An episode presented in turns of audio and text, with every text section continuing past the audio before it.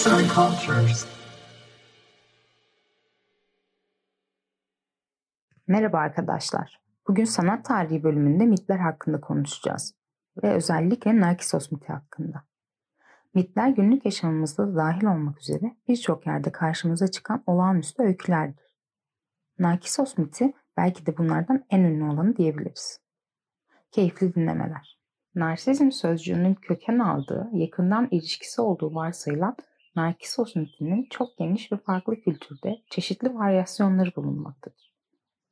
Öykü kısaca şöyle anlatılır. Kahin hayatı boyunca Narkisos'un kendi yüzünü asla görmemesi gerektiğini, aksi halde öleceğini söyler. Güzelliği hem kendi hem karşı cins için arzu nesnesi haline gelen Narkisos, kimsenin duygularına karşılık vermez ve hiç kimseye yüz vermeyip tüm teklifleri reddeder. Yıllar sonra bir peri kızı olan Eko, ormanda dolaşırken yakışıklı Narkisos'a rastlar ve ona ilk görüşte aşık olur. Lakin Narkisos güzeller güzeli Eko'nun aşkına karşılık vermeden oradan uzaklaşır.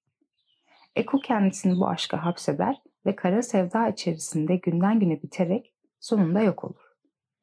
Kendisinden geriye yalnızca Eko denilen yankılar kalır. Olimpos dağında oturan tanrılar durumdan haberdar olurlar. Narkisos'a kızıp onu cezalandırma kararı alırlar. Av peşinde olduğu bir gün Narkisos susamış ve bitkin bir halde nehir kenarına ulaşır. Su içmek için eğildiği nehir kenarında su üzerinde olan suretine hayranlıkla bakar. Daha önce görmediği bu güzellik karşısında kendi yansımasına aşık olur.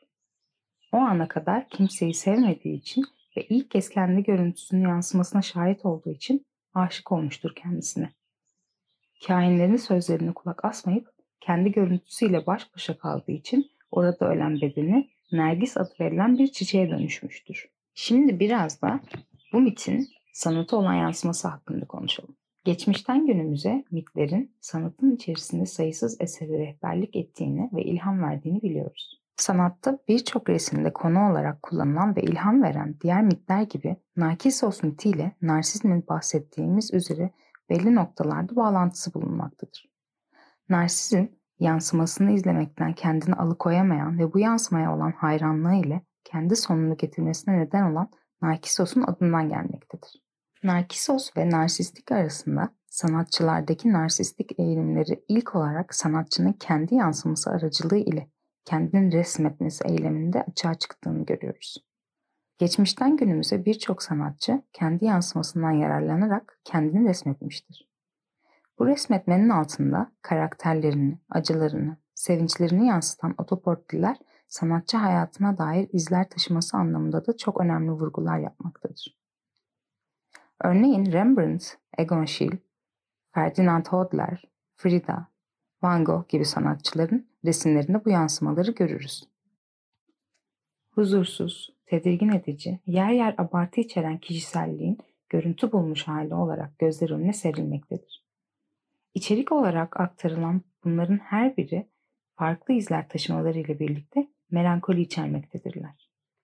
Sanatının konusu ve modeli kendisi olan sanatçılar ürettiği eserlerinde kendi hayatlarına ve iç dünyalarına yönelik olan varoluş sorgulamalarını ve tüm öznelliğini sanat yapıtına bütünüyle aktarmışlardır. Metin direkt olarak sanata olan yansıması konusunda kendine özgü yorumlayıp resmeden sanatçılardan biri Caravaggio'dur. Eserde su birikintisine doğru yansımasını hayran bir şekilde izleyen bir erkek çocuk görmekteyiz.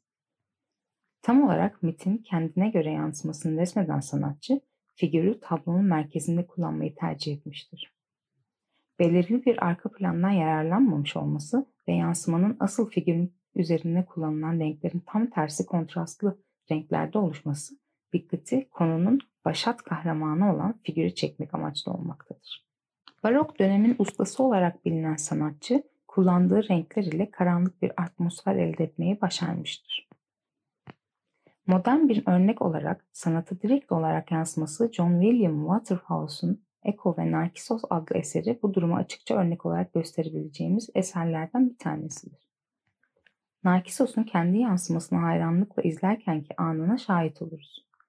Diğer yandan da aynı karede karşılıksız aşkın simgesi olan Eko'nun Narkisos'a olan duygularını ve hayal kırıklıklarını görsel olarak temsil edilmiş halini görmekteyiz. Waterhouse tarafından yorumlanan yankı gibi birçok sergilenen kadın bedeni 19. yüzyıl içerisinde erkek yazarların arzuları için bir şifre görevi görmüştür.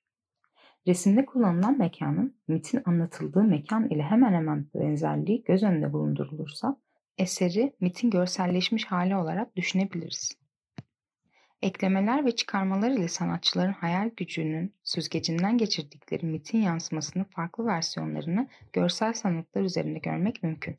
Aynı zamanda sanatın birçok dalında da bu gibi mitlere rastlanmaktadır. Bu durum hem mitin bize ulaşmasındaki sürekliliği hem de sanatçının düşünce dünyasının rehberliğindeki mitlerin farklı yorumlar ile sentezlenebilmesi açısından önemlidir. Yazan Nilay Aygün Seslendiren Polen Biçer